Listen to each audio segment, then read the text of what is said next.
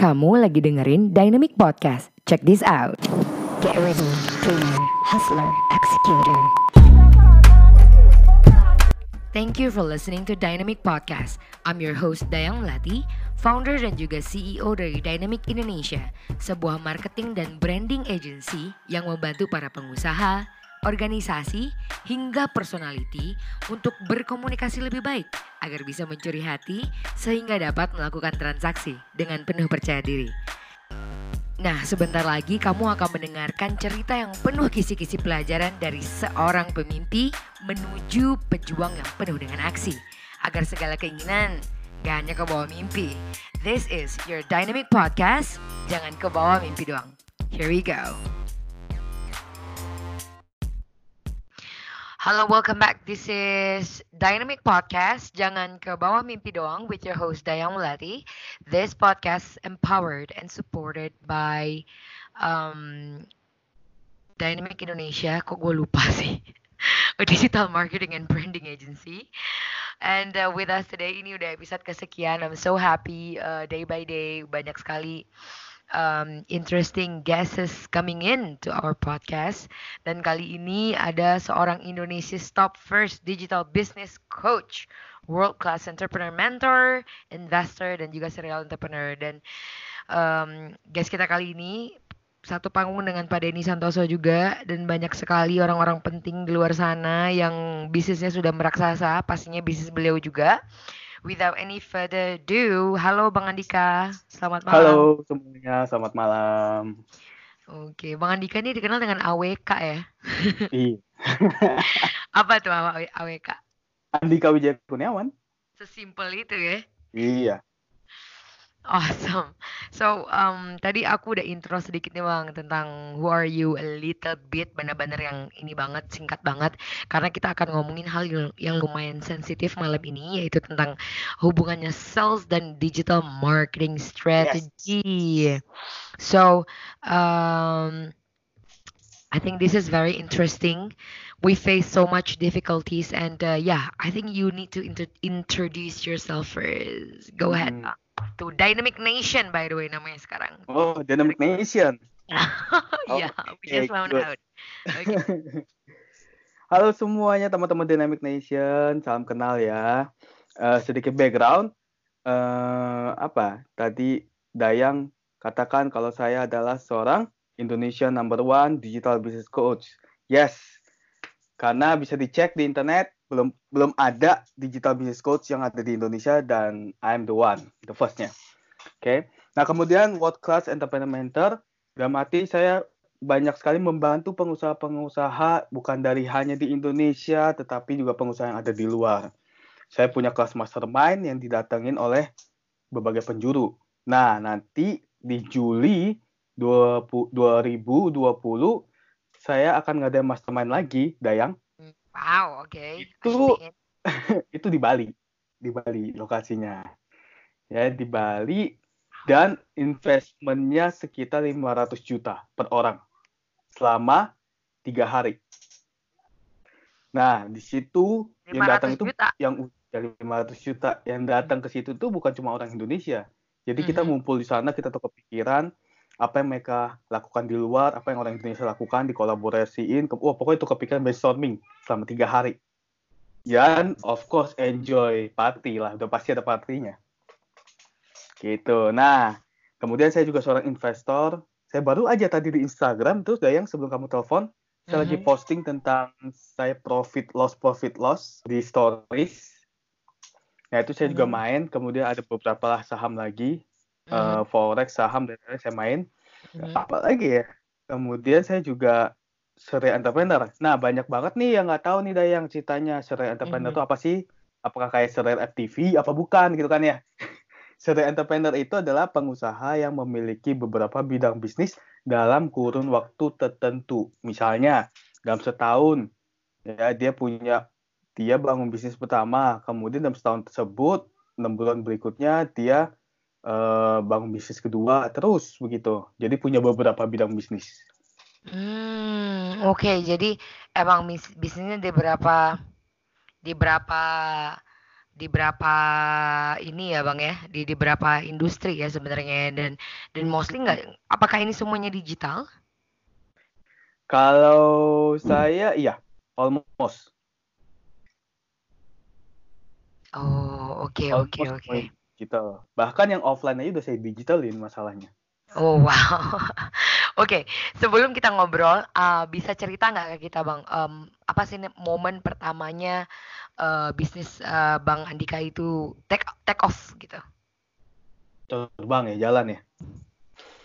Ya, Bisnis betul. pertama yang itu yang pas momen yang nggak bisa kelupa terlupakan Ya. gitu istilahnya pas waktu Itu tahun profitnya profitnya gede banget gitu. itu tahun 2005. Itu itu tahun 20 2005 income pertama itu 62 juta. Mhm. Heeh. 62 juta dikalikan setahun. Berapa tuh? Hmm. Wow. Yang hitung, Sebulan hitung gitu sendiri ya? ya. Hmm. Ya, sebulan 62 juta karena kan kontrak waktu itu. Mhm. Nah, modalnya yang bikin nggak bisa lupa adalah modalnya ini loh. Modalnya itu cuman HP dengan pulsa 5.000 rupiah. Wow. Gila. Kok bisa? Ya kan banyak anak muda sekarang nggak percaya kalau misalnya bisnis itu tanpa modal atau modal kecil gitu ya. Tapi income-nya bisa gede.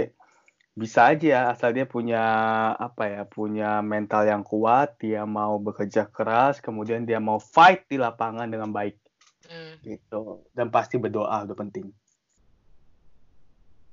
Hmm. Gitu Dayang. Nah, bisnisnya itu adalah di, di bidang pertambangan waktu itu, energi-energi. Which is ya batu bara, arang batok kelapa, cangkang sawit, perkebunan lah. Wow, wow, wow.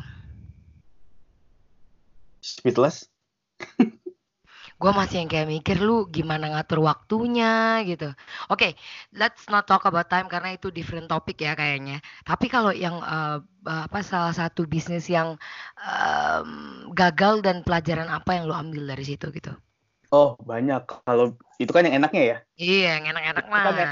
Itu kan da- yang yang bisa dibilang dari hot button, bam, abis itu berikutnya udah enak gitu ya, hot toast ya. Nah, perjalanannya waktu kuliah. No, no, no. I- learn bisnis itu sejak masih SD sebenarnya. Ya, jadi saya thank you banget sama bu, sama papa saya yang ngajarin bisnis sebenarnya. Secara nggak langsung. Jadi waktu itu aku cerita aja nggak apa-apa ya. Iya, iya. Silakan ini malah bagus nih. Heeh, jadi waktu itu eh, masih kecil banget. Goal saya cuman pengen beli Nintendo. Hmm. Pengen banget Nintendo. Tapi papa saya bilang, kalau kamu Hmm. mau beli Nintendo, kamu beli sendiri. Gimana Hmm. coba anak SD disuruh beli Nintendo sendiri? Tapi good things-nya adalah papa papaku ngajarin begini.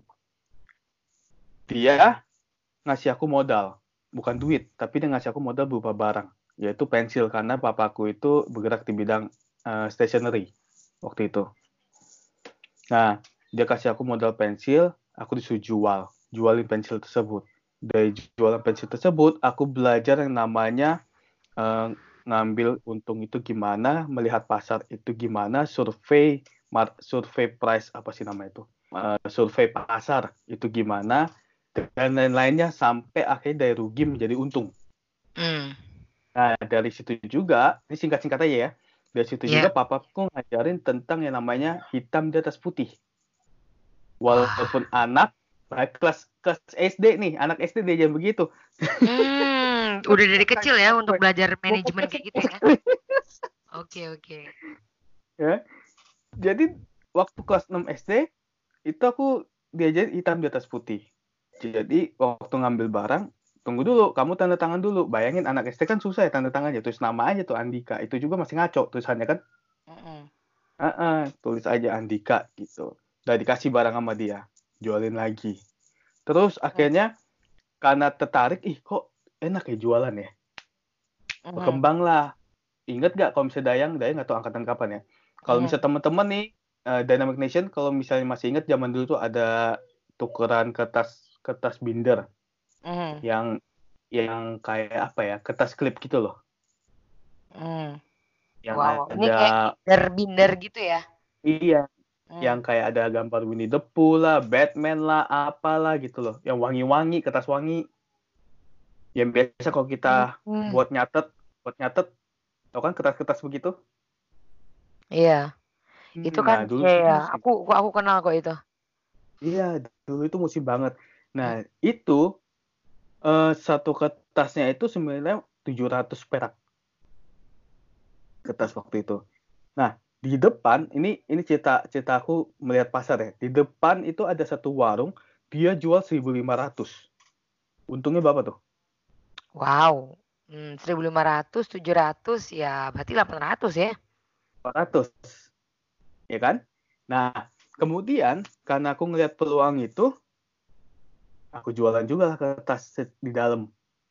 Cuman Hmm. bedanya adalah kalau dia jualan kertas yang yang pada umumnya yang nggak ada gambarnya, kertas putih biasa, ya Mm-mm. karena papaku juga ekspor impor stationery, jadi impor juga dia dari waktu itu dari Cungkok Cina. Mm-mm. Nah masuklah kertas yang ada gambar-gambar. Jadi Hmm. belum ada waktu itu. Jadi aku langsung jualin karena melihat pasar kan, wah kertas putih aja eh, 1.700. Iya. dong? Eh, Hmm. 1.700, 1.500. Ya kan? Iya. 1.500 berarti kalau nggak salah waktu itu aku jual sekitar 2000 2100 Mm-mm. Wow, modalnya sama lumayan ya. 700 Wow. modal sama 700 Mm-mm. dan ada marketnya di situ di situ aku belajar namanya value put value kalau misalnya orang jual kertas putih aku jual kertas bergambar ada value-nya Mm-mm. Terus Oke. dari situ jual jual makanan jual pulsa ya pokoknya semua jualan lah jual yang bisa dijual kecuali jual diri gitu Ya. Dynamic jual diri pun aku ya. jual jual diri waktu itu udah mati udah mati tanda kutip adalah eh, nggak berani jadi MC mau nggak mau jadi MC Hmm, oke, kepaksa ya. panggung, mau nggak mau jadi naik panggung itu juga Iya, aku terima kasih sama temenku tuh waktu itu gara-gara eh, panitia acara dan MC-nya nggak datang Wow. mau kan? Sebagai panitia acara mau nggak mau nggak ada yang berani ya udahlah. Peluang. Ikat. Hmm. Terus dulu yang gantiin, Bang. iya aku yang gantiin. Dari yang kagok sama tiga hari akhirnya lancar. Eh ketagihan berikutnya nawarin jadi MC MC anak-anak dulu terus Iya. lagi naik naik naik naik Mhm. Wow. Terniat sih itu kalau kata gue. Tapi lu emang ngelihat opportunity opportunity kayak gitu ya? iya dan aku good di bidang itu Hmm. di bidang Finding melihat opportunity ya. Iya. Fantastic. Nah, sekarang talking about di, eh, dunia digital yang sekarang juga lu sebagai bisnis eh, digital coach pertama di Indonesia, gimana sih lu ngelihat landscape bisnis Indonesia di bisnis digital Indonesia saat ini? eh, digital bisnis di Indonesia ini masih ranahnya ke ya lu punya barang gue beli gitu doang Ya, Oke. cuma sebatas buy and sell buy and sell nggak ada sistemnya.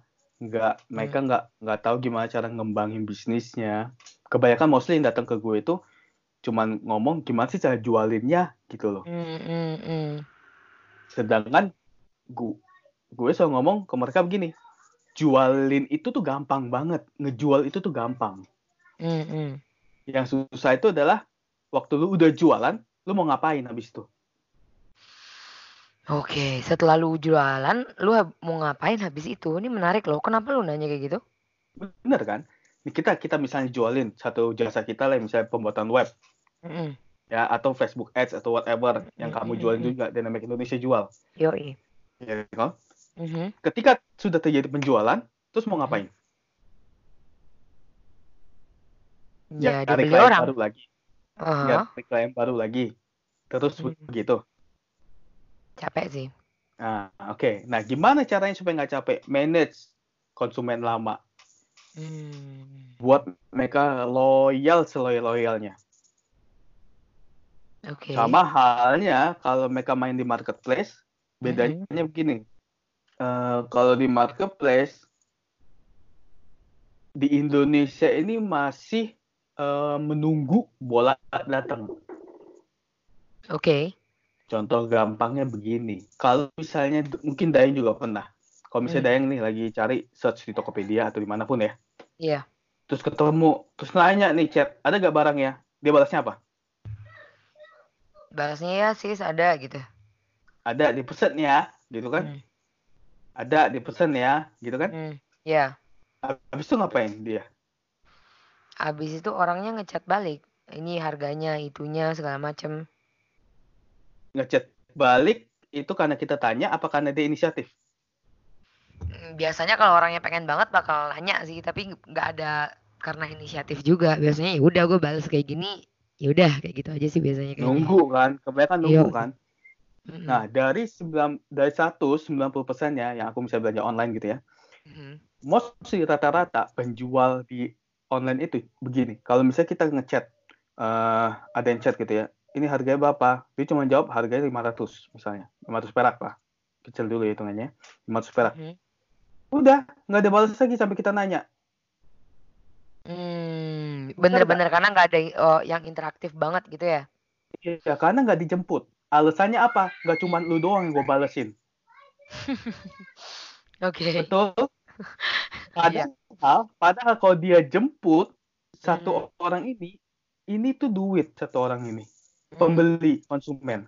Iya. Yang di mana setelah dia jadi konsumen, barang bagus, barang nyampe akan terjadi repeat order. Iya, iya, iya. tapi iya. nggak dijemput. Kebanyakan menunggu. Mm, mm. That's sad.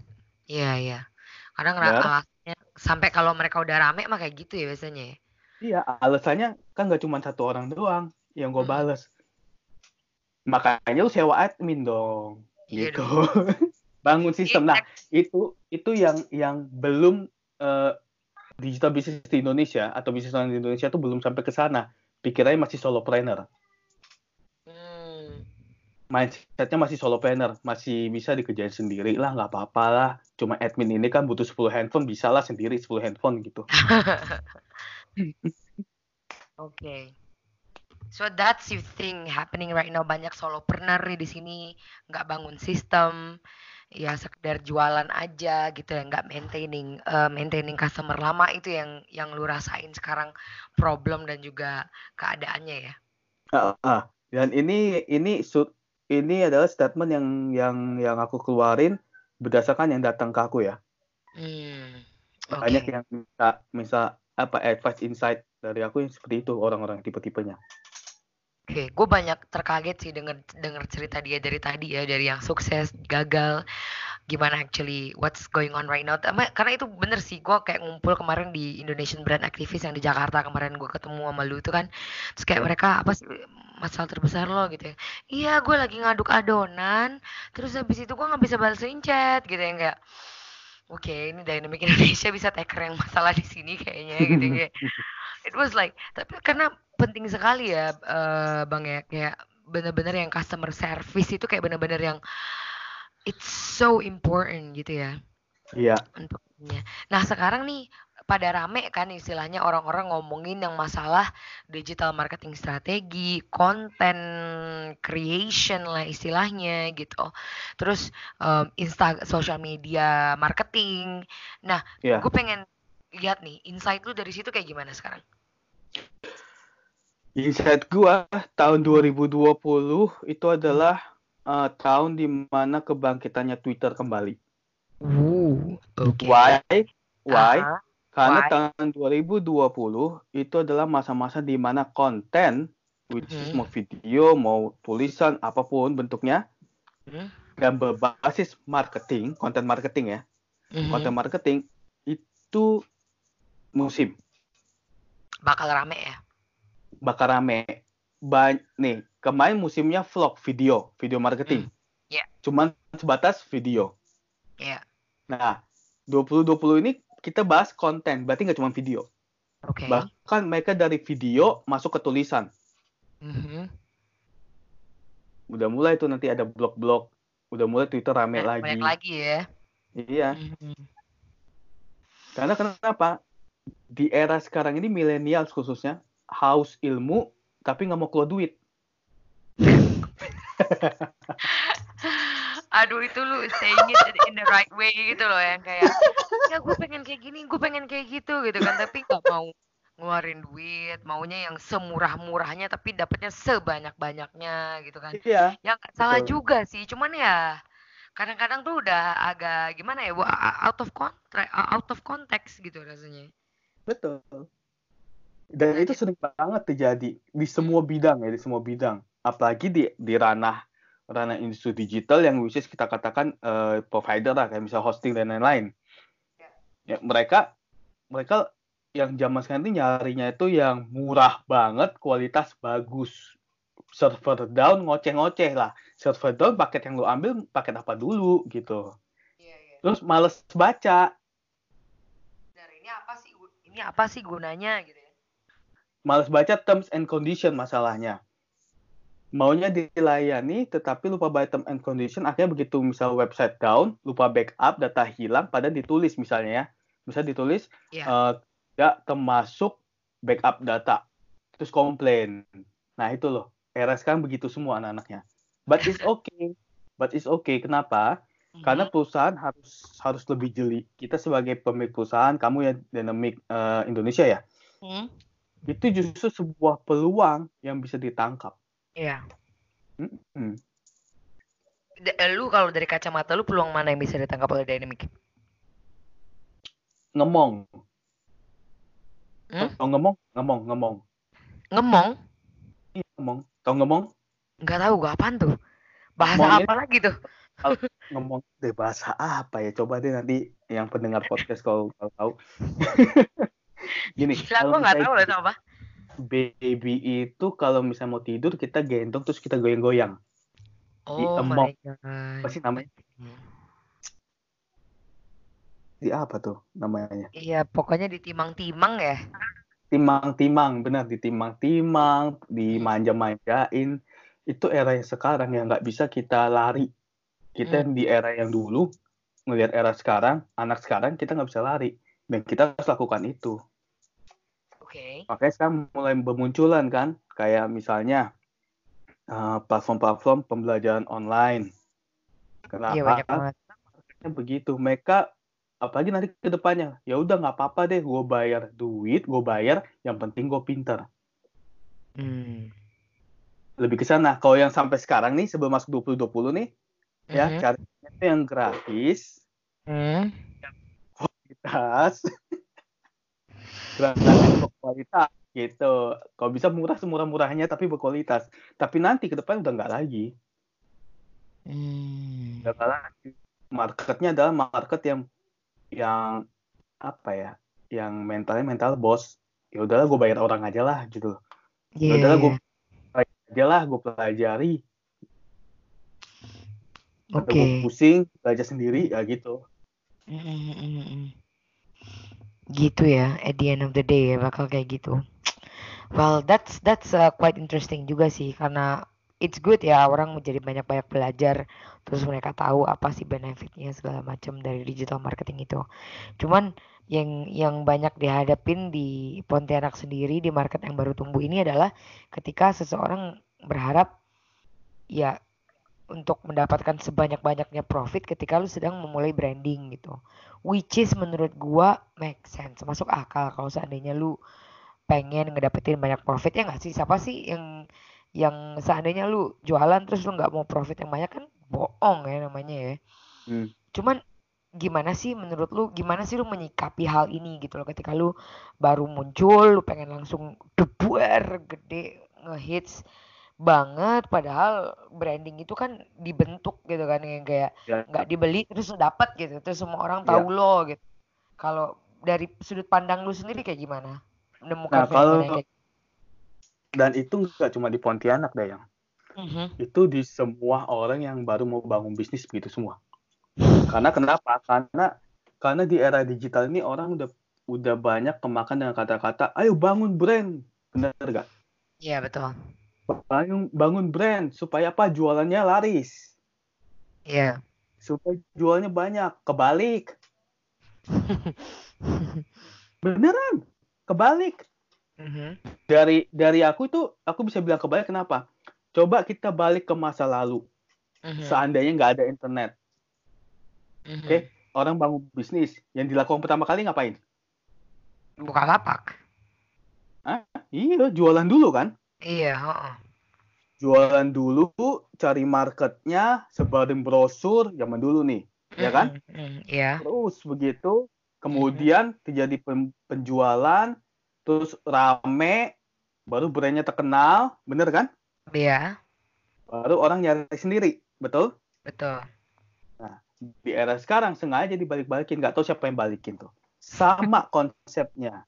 Jadi kalau misalnya mau naikin persona brand, jualan dulu apa yang bisa lu jual supaya brand lu naik. Hmm. Nggak bisa lu ngarepin brand gua naik dulu, terus gua gua ngapa-ngapain apa yang mau gua tawarin ke masyarakat atau apa yang gua mau tawarin ke market. Nggak ada. Terus gimana mau naik? Hmm. Makanya you need put your value. Mhm. Baru bisa naikin brand. Menarik, menarik, menarik, menarik. Berarti lu, misalnya nih, kalau ada orang nih dari Make Nation sekarang lagi mau eh, jualan, eh, anggaplah mau mulai home industry kuliner contohnya gitu kan. Jadi eh, yang harus dikejar tuh adalah jualan, jualan, jualan dulu gitu. Iya, jualan, jualan, jualan. Tapi di bukankah menurut itu- lo? Di samping itu juga pikirin logo dan lain, logo dan lain-lainnya itu untuk packagingnya harus dipikirin. Itu itu kan part of marketing lah ya, bagian dari marketing lah. Oke. Tapi core-nya adalah tetap jualan. Kalau lu nggak jualan, orang nggak tahu gimana brand lu mau naik. Hmm. Tapi untuk orang melakukan purchase itu bukankah brand positioningnya itu udah harus jelas dulu ya? Juga nggak harus. Yang penting kualitas produknya. Orang beli itu bukan karena brand produknya, tapi kualitas produknya. Nah, jadi contohnya kita balik lagi ke orang yang sekarang industri rumahan, contohnya sebelum dia nge-brand gitu.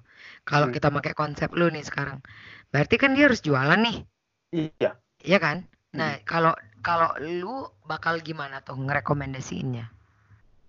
Lu bakal Jualan ngapain aja. dulu step-stepnya? Step-step dari gue, Hmm. eh, home industry apa dulu nih? Karena setiap home industry Makanan, beda-beda. makanan, makanan dong.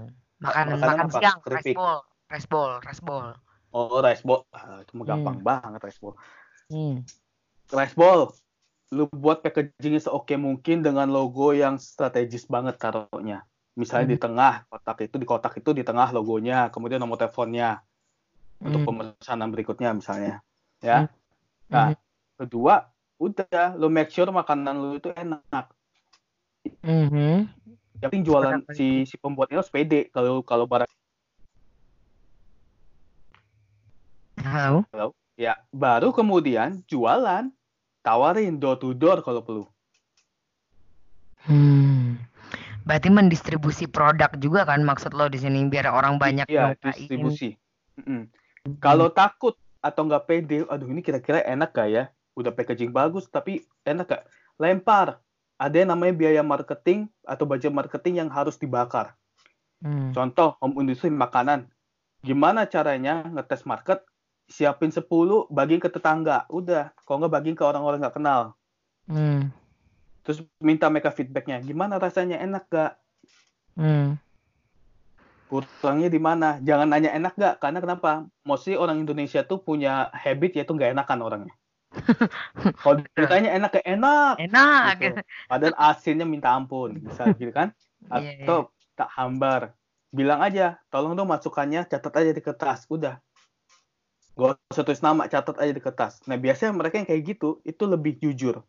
Makanya begini, begini, begini, begini. Karena kan nggak diketahui namanya, nggak tahu nomor teleponnya, bener kan? Iya. Mm-mm. Distribusi. eh kalau setangkapnya gue nih dari yang lu obrolin, sebenarnya branding itu kan sebenarnya eh, proses melakukan eh, identifikasi produk kan sebenarnya sebelum kita Ya. jualan gitu kan. Ya dan itu beriringan dari waktu ya nggak sih? Yang mana lu Betul. nge-branding juga ya lu tapi fokusnya ya ke jualan gitu kan ya maksud lo. Iya. dengan memperbaiki produk dengan saya sehingga habis itu orang tahu. Nah, cuman kan yang yang perlu di highlight kalau Dynamic Nation di sini yang paling bagus diomongin sama Bang Andika adalah bagaimana lu mendistribusikan uh, produk lu, service lu, awareness lah istilahnya sehingga orang tuh tahu eh lu jualan loh gitu kan ya. Iya. Dan ketika lu ngebagiin konten supaya orang tuh tahu sebenarnya kualitas dari produk lu tuh sebenarnya seperti apa, orang yang relate dengan produk lu tuh seperti apa, kayak gitu ya, Bang ya. Betul. Betul. Oke. Mhm. Nah, kalau kayak gitu kan berarti ada prosesi yang di mana eh ini juga gua waktu itu gua ketemu sama beberapa UMKM di Pontianak kan terus yang ngomong ke gue yang kayak eh nggak usah deh konten bagus-bagus katanya kayak gitu kan udahlah yang penting tuh upload yang penting tuh eh, dari hati eh, Ya. bisa nge-share ke orang lain full apa namanya rajin upload ya yang kayak gitu-gitu kan Iya. Nah. dan aku pengen denger dulu nih take lu dari dari yang gua obrolin ini apa yang gue barusan ngomongin kayak gimana Bagus. Mhm.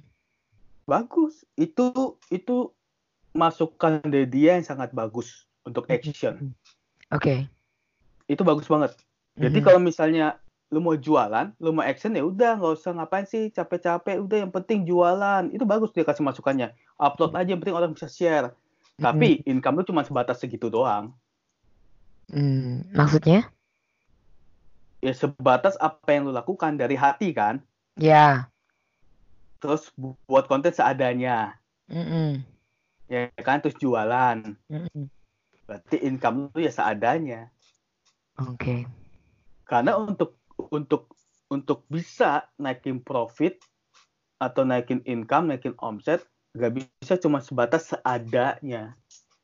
Hmm, Nggak bisa. ada ada hal yang harus lu investasikan gitu ya Betul. Apalagi di era sekarang nih digital, itu gampang Hmm. banget sebenarnya untuk membentuk sebuah brand. Lu buat aja eh, apa ya namanya eh, YouTube, video YouTube. Alasannya apa kalau disuruh buat video YouTube? Malu, nggak biasa, nggak ngerti caranya dan wah banyak banget ya alasannya. Mhm. Benar? Benar betul ya? betul betul Padahal tinggal Sering buat sekali. kan. Mm-mm. Nggak, nggak tahu nih mesti ngomongin apa, yang ngomongin aja. Yang mau lu bagiin, yang bagiin aja lah. Ngapain dipikir-pikirin? Emang Iya, masuk iya. media TV? Kagak kan? Emang ada yang nonton gitu ya Iya, eh, ngapain di setting-setting? Iya iya iya iya iya. Kan rencana tapi kalau seandainya eh, role-nya digital agency sendiri kan pengen nge-provide better content lah istilahnya ya. Betul. Better content, better distribusi gitu. Dan gue jujur kelimpungan nih sama orang yang pengen nggak sabaran pengen fast result, fast result yang kayak gitu. Gimana? Hmm. Take lu dari situ kayak gimana? Balik lagi, Hmm. Dynamic Indonesia ini kan company, Mm-mm. which is lu punya konsumen. Mm, betul. Nah, habit konsumen lo harus paham emang begitu habitnya. Pengen cepet. Mhm. Jadi yang bisa kita lakukan adalah kalau misalnya sebagai agency, ya udah ikutin maunya aja. Hmm. Oke. Iya. Agency harus fleksibel. Hmm, harus emang itu. Hmm. Mm-mm. Jadi kalau misalnya konsumen bisa cepet ya buat cepet aja. Kok jelek? Ya kan bapak minta cepet. Oh iya dong, Iya iya iya iya, make sense. bener kan? Hmm. Tapi bagaimanapun itu, actually we need yang namanya proses ya, bang ya. Hmm. Menurut lo gimana yang kayak everything itu kan berproses ya. Lu nggak mungkin yang kayak langsung ngupload terus langsung lu tenar langsung kayak gimana. Bener nggak sih menurut lu? Apakah ini excuses aja yang dari gue? Gue sebenarnya bertanya-tanya juga loh. Nggak, bagus pertanyaannya. Dan itu jadi remind gue waktu itu di tahun 2009. Sebe- Eh nggak, proses 2005 ke 2009. Waktu waktu aku ketemu cara untuk ekspor, Hmm. eh, UKM bisa ekspor tanpa harus gede, maksudnya ya. Tapi Hmm. melalui DHL juga bisa. Dari situ Hmm. aku mikir gini, "Gi- kenapa nggak aku share aja ya? Awalnya cuma mikir gitu, kenapa nggak share aja? Terus akhirnya aku buat blog. Mhm. Tahun 2009 blog itu lahir, namanya Andika Wijaya Kurniawan. Berbarengan dengan AWK Academy waktu itu. Dulu Hmm. belum belum namanya belum AWK Academy, masih Success Pro Learning Center. Mhm. Di situ aku share Hmm. gimana caranya UKM bisa go online. Yeah. Tuh. Heeh, sebelum pemerintah koar-koar, aku udah nulis Mhm. duluan di tahun segitu. UKM go online terus, UKM go online, strateginya begini, bangun website tuh, oh begitu-gitu deh. Mhm. Nah dari situ tiga bulan blog itu berdiri, mulai ada media yang Mhm. invite itu di interview. Kenapa? Karena Oke. aku punya layanan dulu itu punya layanan namanya personal branding blog. Ya, jadi aku mengemas orang-orang atau public figure atau siapa pun yang yang nothing menjadi something melalui blognya. Hmm. Hmm. Oke oke oke. Oh makanya em, ideas nih apa nama agensi lu bang? Idea Ya, IDX digital. IDX digital Iya. sangat Itu fokus sekali di SEO ya. itu itu itu baru. Kalau dulu itu masih di bawah Andika Wijaya Kurnia masih sendiri kan. Hmm. Oke. Karena kan pengen tahu dunia. Jadi aku itu begini. Ini aku sharing tentang sisinya aku ya sebagai Hmm. entrepreneur ya. Iya. Kalau aku itu mau mau nyoba sebuah bisnis bis- sebuah bisnis katakanlah bisnis apa pun A, misalnya bisnis A, Mhm. aku langsung terjun aja dulu. Oke. Nanti problemnya apa, di solve pada saat jalan. Hmm. Menarik. Oke. Heeh.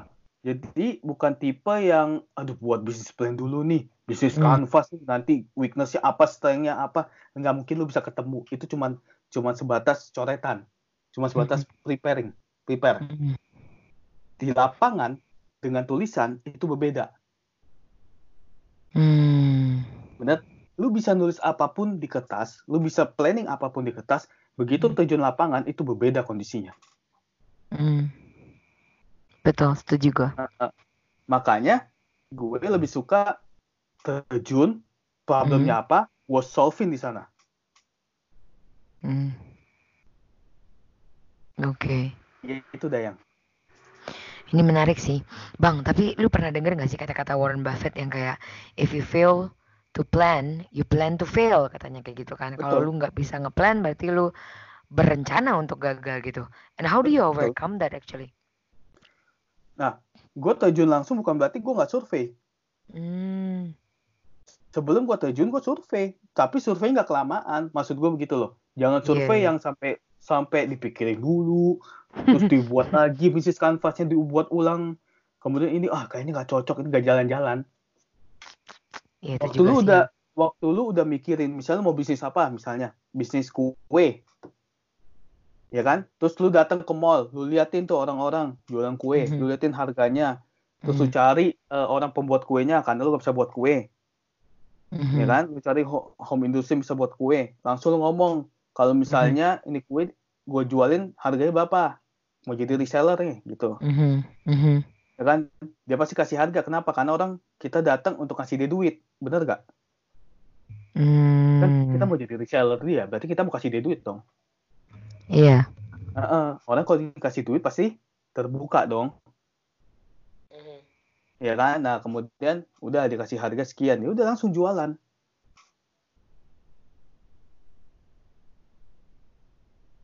Ngerti yang Sesimpel itu ya. sesimpel itu karena kenapa orang bisa plan apa pun eksekusinya itu yang jarang bisa bisa orang lakukan. Karena execution itu paling penting di dalam bisnis. Ya itu sih yang paling paling susah juga ya sebenarnya. Mm-mm. Contoh, contoh gue pengen resign nih, Hmm. 6 bulan kemudian masih tetap setahun kemudian masih tetap tuh di kantor. Hoax ya. Nggak resign. Bener kan? Iya. Kenapa? Eksekusinya nggak ada. Ini itu deep sih. Iya, gue pengen pengen jualan minuman nih, sekarang lagi booming nih, kayak kayak janji jiwa lah, apalah inilah. Pengen doang, eksekusinya kapan? Dan gimana cara lu? Gue inget banget yang pas kita ngobrol di Starbucks-nya JI, yang Ya. pas bilang, "Ah, lu mau apa dai? Lu mau gitu kan? Iya, gue pengen ini, ini, ini bang. Apa yang udah lu lakukan untuk membuat itu menjadi kenyataan? Anjir, itu yang kayak tek, otak gue tiba-tiba berhenti. Yes, betul. Apa yang yang step apa yang udah lu lakukan untuk untuk menuju ke ke sana yang lu mau. Hmm. Oke. Karena kalau nggak ada eksekusinya, ya cuma sebatas impian doang. Bahkan itu bisa bilang cuma sebatas mimpi, bukan impian lagi, cuma mimpi. Oke. Tapi waktu lu bisa eksekusi, lu jalanin, lu survive tanpa mengeluh, lu cari eh, solver the problem yang di lapangan, ber- Hmm. berarti pelan-pelan lu mengarah ke impian. Oke. Gue pengen punya BMW di umur 23 tahun. Gue pengen punya BMW di umur 30 tahun misalnya. Gue Mhm. pengen nikah, pengen punya rumah gede di umur 30 tahun. Tapi selama dari 20 sampai ke 30 nggak melakukan apa pun, ya nggak bisa. That's so deep.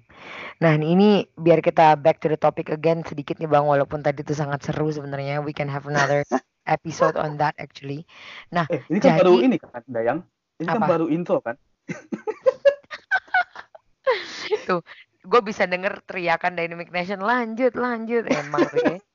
Ada yang yang udah yang kayak jangan-jangan udah ganti channel kayaknya. anyway, we might have another episode on that.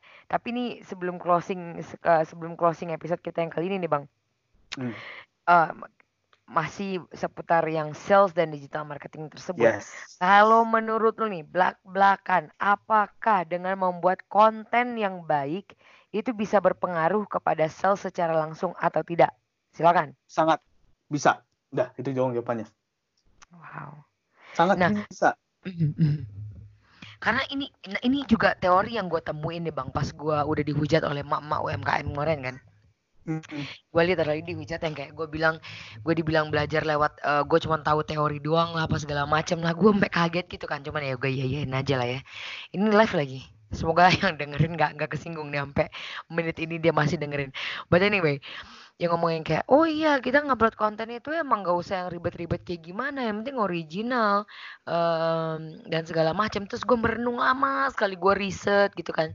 Sampai gue sampai ke titik ini dan mungkin ini bisa menjadi highlight juga buat kita semua yaitu Ya. kualitas produksi konten tidak menjamin quality konten tersebut gitu Yes. Kayak- kualitas produksi itu tidak menjamin sebuah quality konten gitu. Jadi quality konten itu tidak hanya berpatokan kepada kualitas produksi produksi ya bang ya nggak harus iPhone iPhone gitu HP-nya yang Xiaomi aja juga bisa viral gitu. Betul. So ya it's a tapi ber- kalau yang profesional bener ngaruh ya bang ya kita secara di industri sebagai agensi lah dua-duanya nih Idea X Digital dan iDynamic Indonesia ngerasa so far kalau yang bener-bener emang itu takes time ya bang ya. Kalau menurut lu gimana Emang. bang? Emang text time karena content is the king tetap. Hmm.